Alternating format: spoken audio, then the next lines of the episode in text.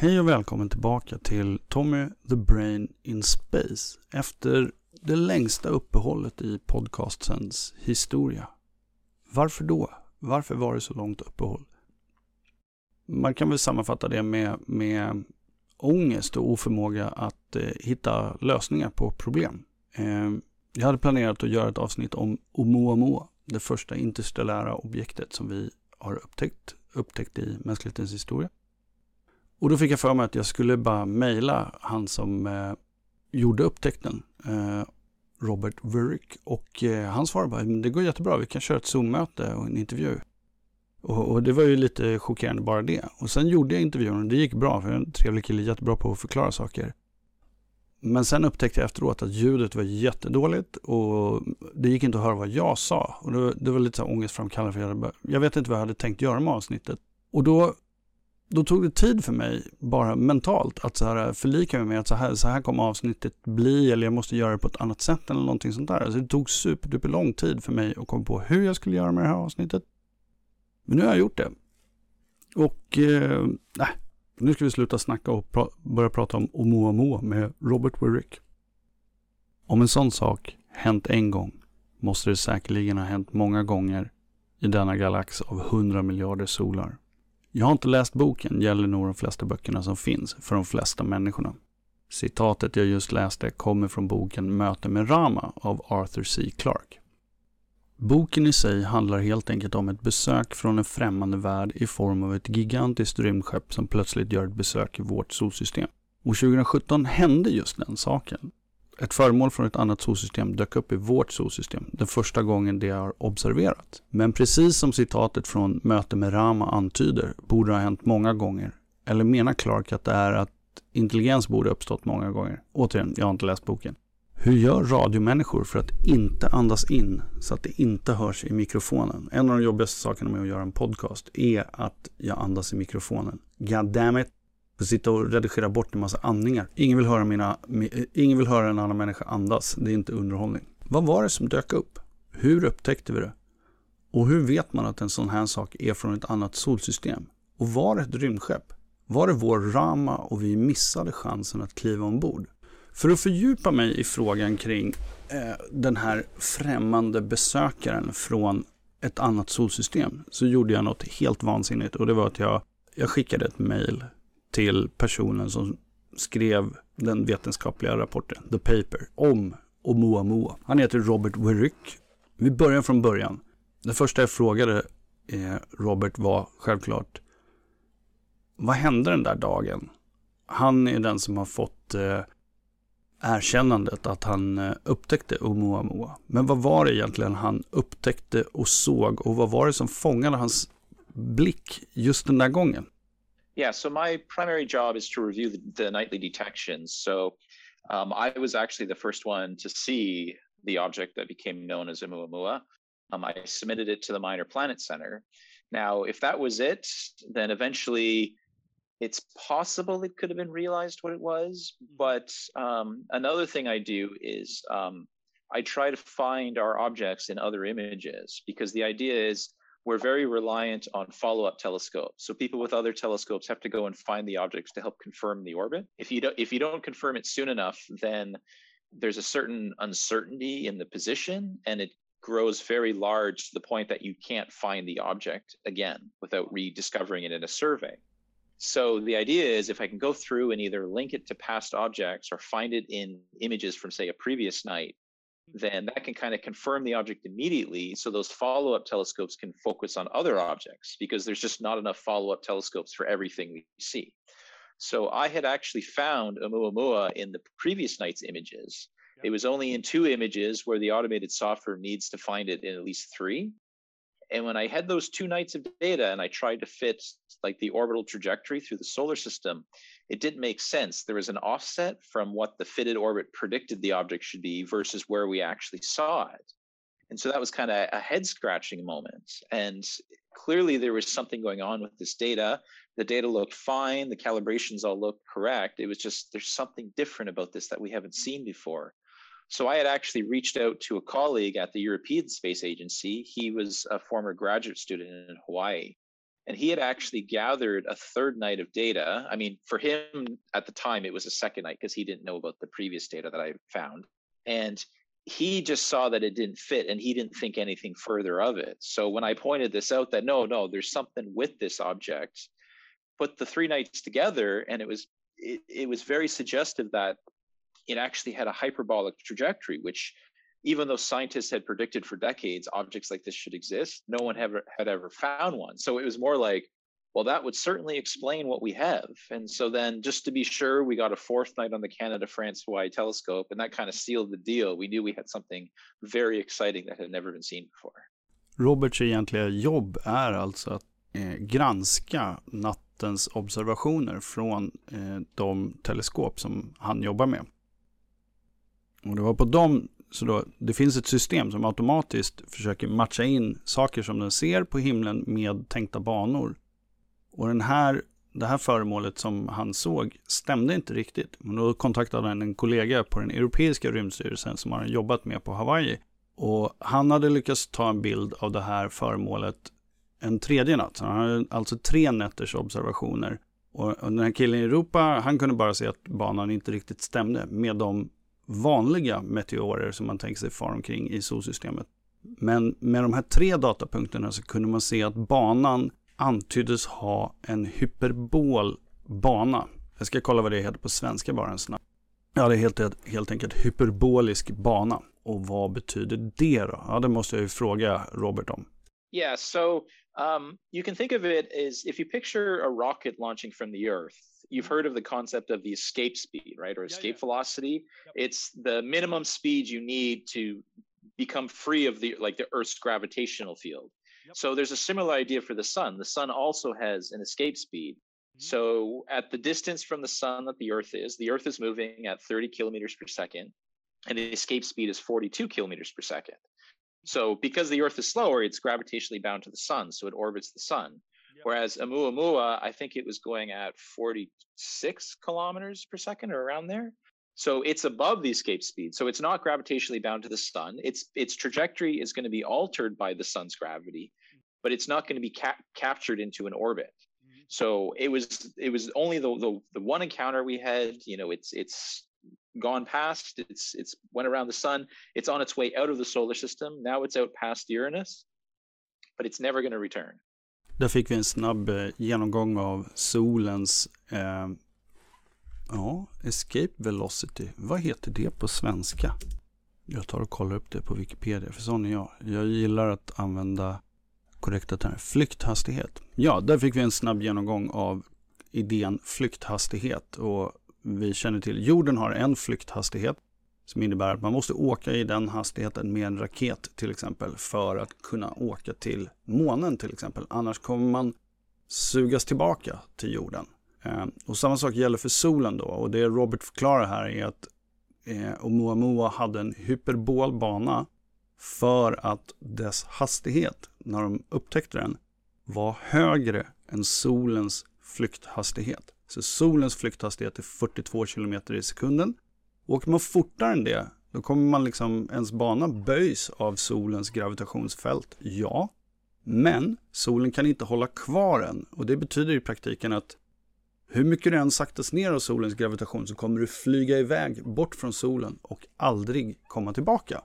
Och hyperbol i det här fallet tror jag betyder, det har med geometri och liknande, euklidisk geometri. Eh, det betyder egentligen att det är som en ellips som är öppen, som inte är stängd så att säga.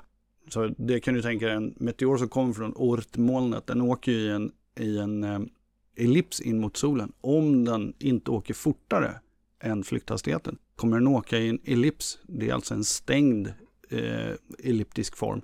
Men om den skulle åka fortare och lyckas flyga iväg från solen så är den öppen i ena änden. Den kommer aldrig liksom vända tillbaka till oss. Då noterar jag det coola också i att eh, vi upptäckte Oumuamua och han observerade den under en kort tid och nu är den redan på väg ut ur solsystemet för att aldrig någonsin återvända. Yeah, we observed it just after it passed the Earth or passed the sun and went by the Earth. And now it's, you know, four years later almost, it's it's basically out to the towards the outer solar system. Um, but the thing is, to get completely out of the solar system, because as it moves away from the sun, it slows down because the sun's gravity is still attracting it.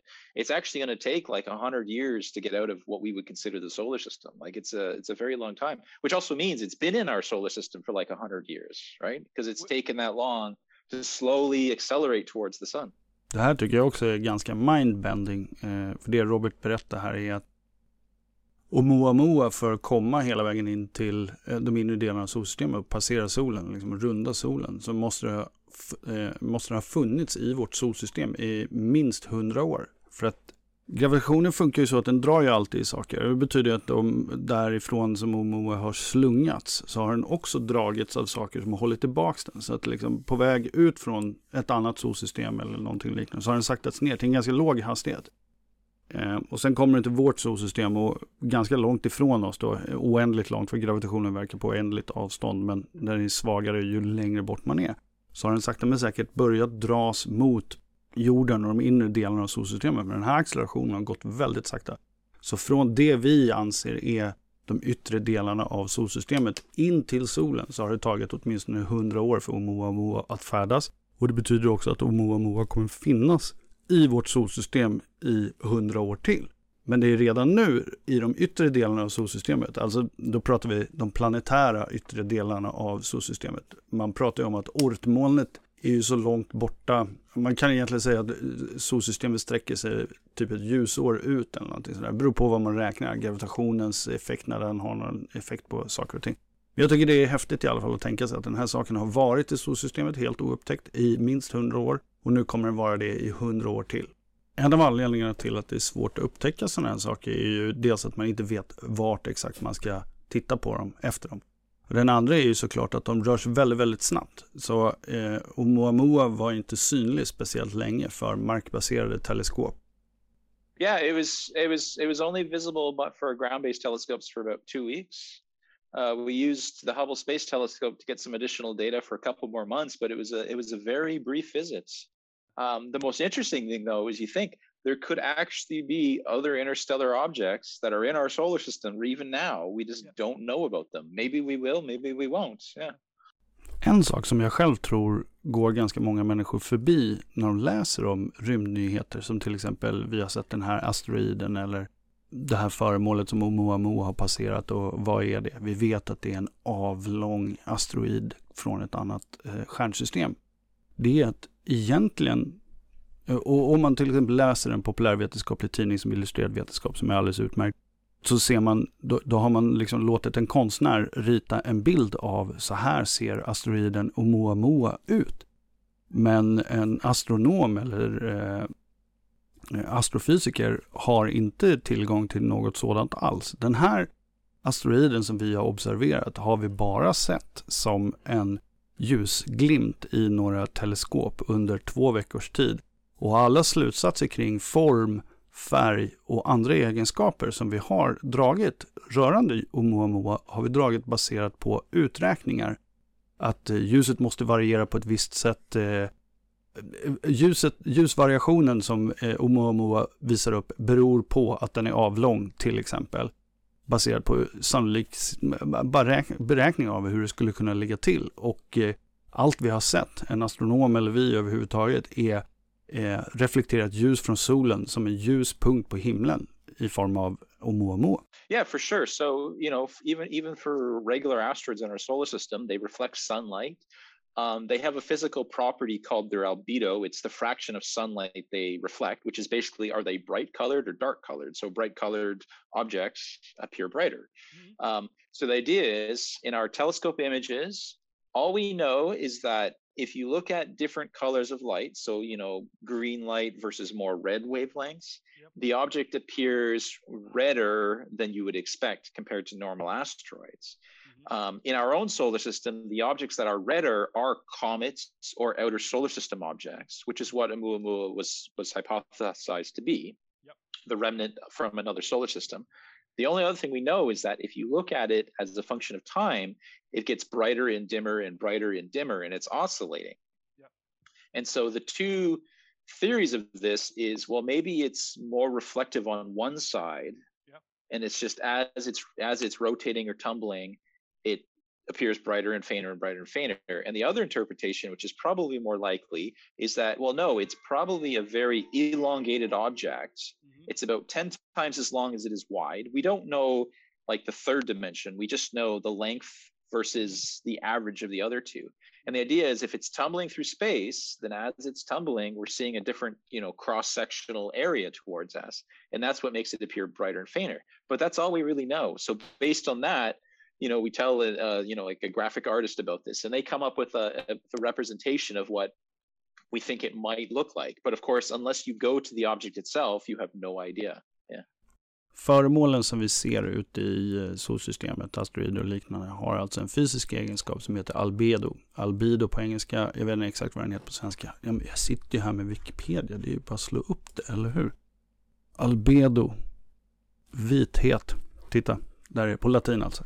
Om man har hållit på med dataspelsprogrammering, som jag kanske nämnde i början av podcasten, eller i slutet, så är albedo hur mycket någonting reflekterar eh, ljus. Och den här albedon är olika för olika föremål. Så ljusare föremål kommer från inre delen av solsystemet och saker långt utifrån och från andra stjärnsystem är mörkare. Det andra grejen man kan se är att eh, ljuset varierar över tid och då presenterar Robert de två hypoteserna som finns. Den ena är ju då att den har en annan reflektionsförmåga på ena sidan av sig. Så när den snurrar genom rymden så reflekterar den olika mycket ljus mot oss. Problemet med den förklaringen är att då måste man komma på varför är den olika reflekterande på varsin sida om sig. Den troligare förklaringen är förmodligen att den är avlång. Och då tänker man sig att mm, ibland så ser vi den liksom rakt på. Om du tänker dig att du rör ut i luften som du tittar på från ena hållet och, och den ligger på längden från på längden åt det hållet du tittar åt så ser den ut som, ett litet, eh, som en liten prick bara. Medan sen när den snurrar runt så kan man se hela längden och då reflekterar den naturligtvis mer ljus. Och sen så tar man de saker man har observerat och de slutsatser man har dragit kring ett föremål i rymden och presenterar dem för en en, eh, en konstnär som helt enkelt får göra en tolkning av det här. Hur kan det se ut? Och det är så enkelt det och som du säkert minns eh, när jag pratade om Bennu så nämnde jag att många asteroider är inte ens hela stenar utan de är eh, höger av grus till exempel. Som åker runt där och så ser de ut som ett helt objekt bara för att eh, gravitationen har dragit ihop dem till en sten. Vi kan ju inte se vad det är förrän vi är nära. Men när vi har åkt nära då Bennu och eh, andra asteroider så har vi noterat att de är egentligen bara höger av grus. Men förmodligen var inte Oumuamua det eftersom Right. The the other issue too is um, there's actually a physical limit of of how fast a rubble pile can rotate mm-hmm. before things fly apart. You know, it's like being on a mer- merry-go-round in a playground. If you go too fast, things are going to fly apart. Mm-hmm. And people actually see this for small near Earth objects that come really close to the Earth. You know, some of them have you know obvious light curves that they they have a slight extension, nowhere near as much as Oumuamua, mm-hmm. but there's kind of an upper limit. Past that, the objects just can't exist if they're rubble piles. So yeah. Mm-hmm. Mycket av vår förståelse av världen och eh, solsystemet och rymden handlar egentligen om att vi bygger upp modeller av förutsägelser baserat på observationer vi redan har gjort. Vi kan inte veta saker vi inte vet. Så vi har till exempel asteroider som rör sig på ett visst sätt i vårt solsystem och har vissa egenskaper. Och då kan vi räkna ut att så här brukar asteroider se ut. Och om vi hittar en ny observation av en ny sak på himlen, då kan vi jämföra med den och säga, okej, okay, passar den in i modellen för vad en asteroid är? Och så måste vi göra med saker som kommer från andra stjärnsystem också. Men and and a lot of our understand and a lot of our understanding is based on asteroids and comets from our own solar system but you know Oumuamua wasn't from our solar system so there's a question of well how are they going to be similar and how are they going to be different and mm-hmm. to me that's what makes the science very exciting yeah i förberedelserna för hela den här intervjun med Robert så frågade ju mina kompisar och så vad, vad, vad ska jag fråga honom och en vän föreslog att du måste fråga om utomjordingar men du måste spara till slutet av intervjun ifall att han bara vill dra. Och så här är det att det finns en framstående astrofysiker som heter Avi Loeb, L-O-E-B, som var i Sverige nyligen och höll ett föredrag och han har skrivit en bok som heter jag kollar vad boken heter så att nu gör jag reklam för hans bok även fast jag är lite tveksam då. då. Um, just det har alltså skrivit en bok som heter Extraterrestrial, The First Sign of Intelligent Life Beyond Earth. Och Avi Loeb menar att det här, att Oumuamua var den första besökaren från en utomjordisk intelligens. Och då undrar jag vad Robert tyckte om det, helt enkelt. Det är värt att notera att eh, oavsett vad man tycker om Avi Loebs slutsatser så är de inte tagna fullständigt ur luften, utan han är ju en smart kille. Och Moa Moa gjorde något konstigt när den var nära solen. Den accelererade nämligen mer än vad gravitationen borde ha accelererat den. Vad berodde det på? Yeah, so certainly the data that showed this acceleration was actually from the group I'm involved with. You know, Avi Loeb is not part of the asteroid and comet community. Yeah. So when we had our observations with the Hubble Space Telescope, you know we we looked at it and hubble as you can imagine being a space telescope it's very high resolution data mm-hmm. so you're able to very accurately show what the orbital trajectory is mm-hmm. so we noticed that there was a very small but measurable with hubble deviation from a purely gravitational trajectory mm-hmm. So this this suggests that a, there's what's called a non-gravitational force it's something that applies a slight you know kick mm-hmm. that moves it from that gravitational trajectory. So in one of our papers, we actually considered all the different possibilities we can think of. Mm-hmm. And the two of them at the top of the list was either the object is a comet mm-hmm.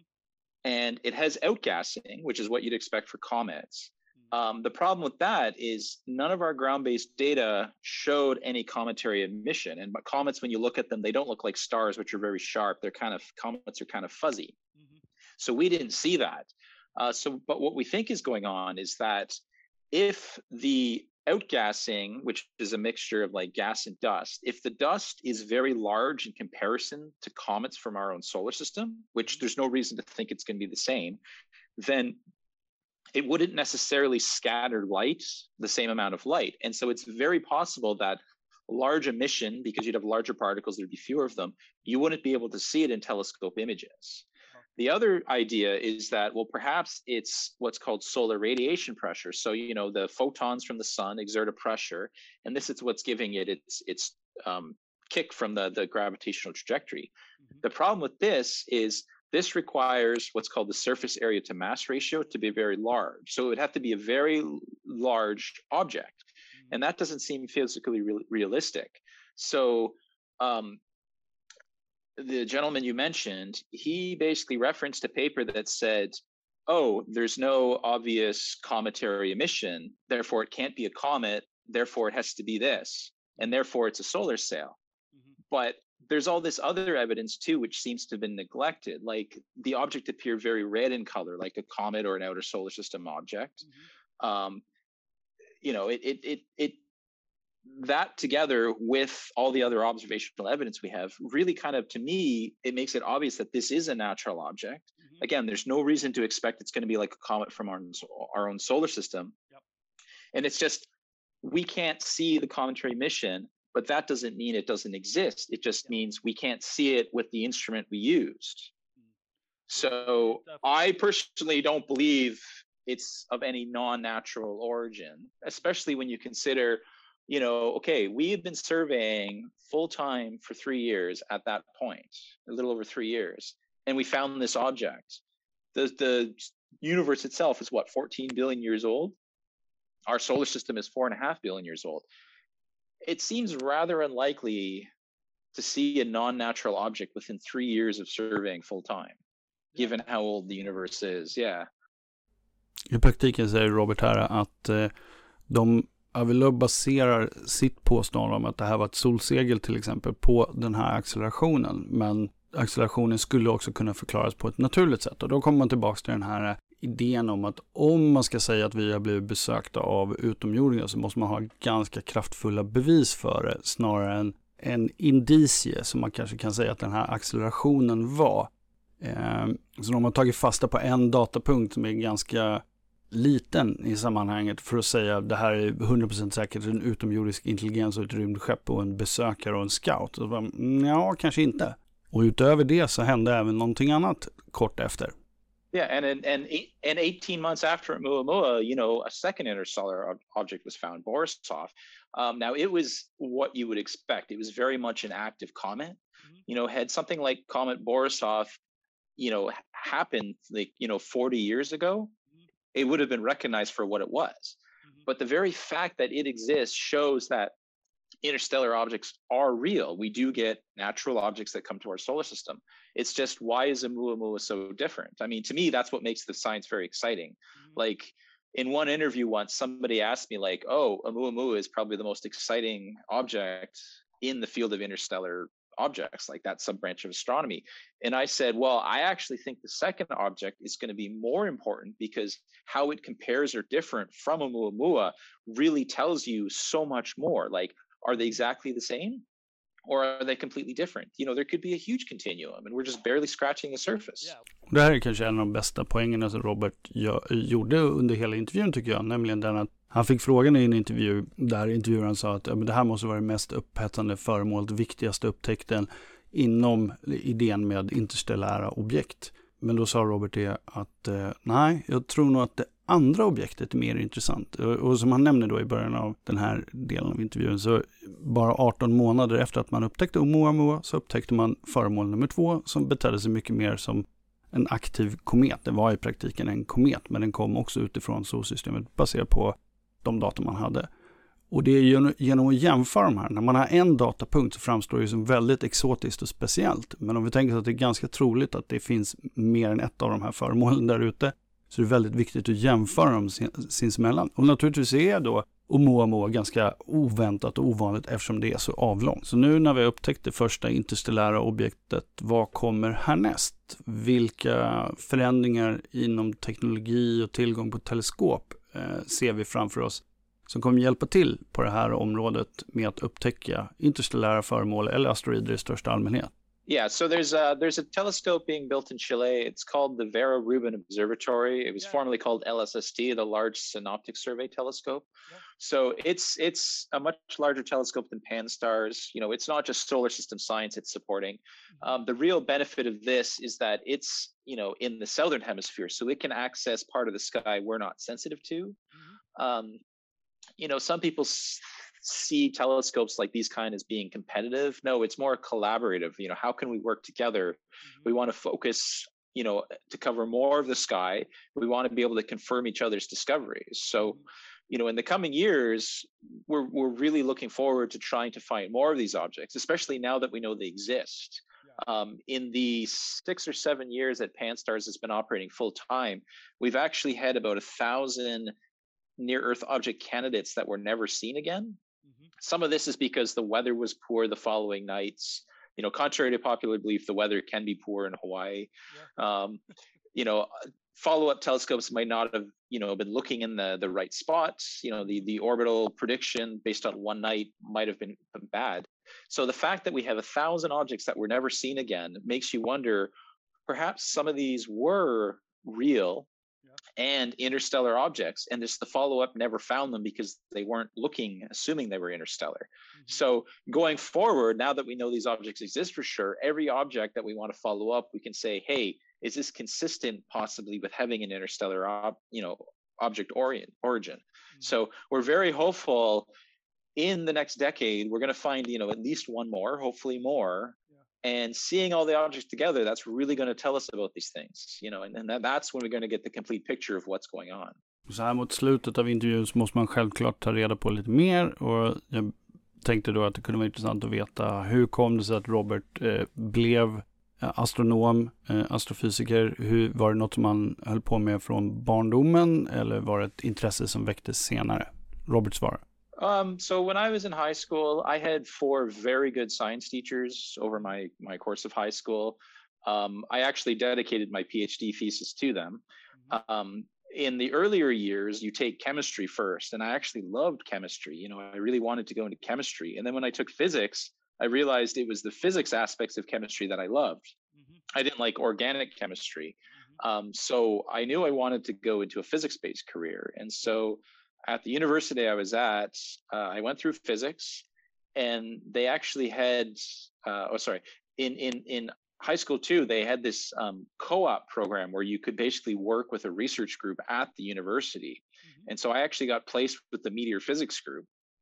And, and then I went and did my undergrad in physics, and I actually love the meteor stuff so much. that I did a PhD in physics specializing in meteors. So I did, I looked at meteors with a radar and a camera system at the same time. So you kind of have two views of the same meteor. And then so after that, the idea is, you know, in academia, you try to get like a postdoctoral position um, or a postdoc position to get extra research. So I had applied for some postdocs and I applied for one at the University of Hawaii to work with pan-STARRS. So it was it was quite different. It was more astronomy focused, not as much physics. Um, but it and it dealt with the larger objects and the larger objects are what produce you know meteors. You know most of them are from comets but you can also get like meteorites from asteroids. So it was kind of in a way left field from what i did and i didn't actually think i would get the position um, but then my advisor richard wainscoat he basically phoned me up and said he's offering me the job. So that's that's how i kind of went into this. Som avslutning vill jag egentligen bara tacka Robert för att han ställde upp och svarade på frågor från en helt vanlig amatörsintresserad person. Så att säga själva definitionen av vad det innebär att vara en tillgänglig forskare. Jag är oerhört tacksam. Mitt mål med intervjun var att försöka få en liten inblick i vad astronomer gör om dagarna och det kanske har klarnat lite mer även för dig. Till dig som lyssnar vill jag bara säga tack för att du lyssnar. Hoppas att du antingen somnar bra av lyssnandet eller blivit lite underhållen och kanske lite kunnigare. Som vanligt, om du vill stödja podcasten kan du göra det på patreon.com-kidvhs. Tills nästa gång, ha det bra!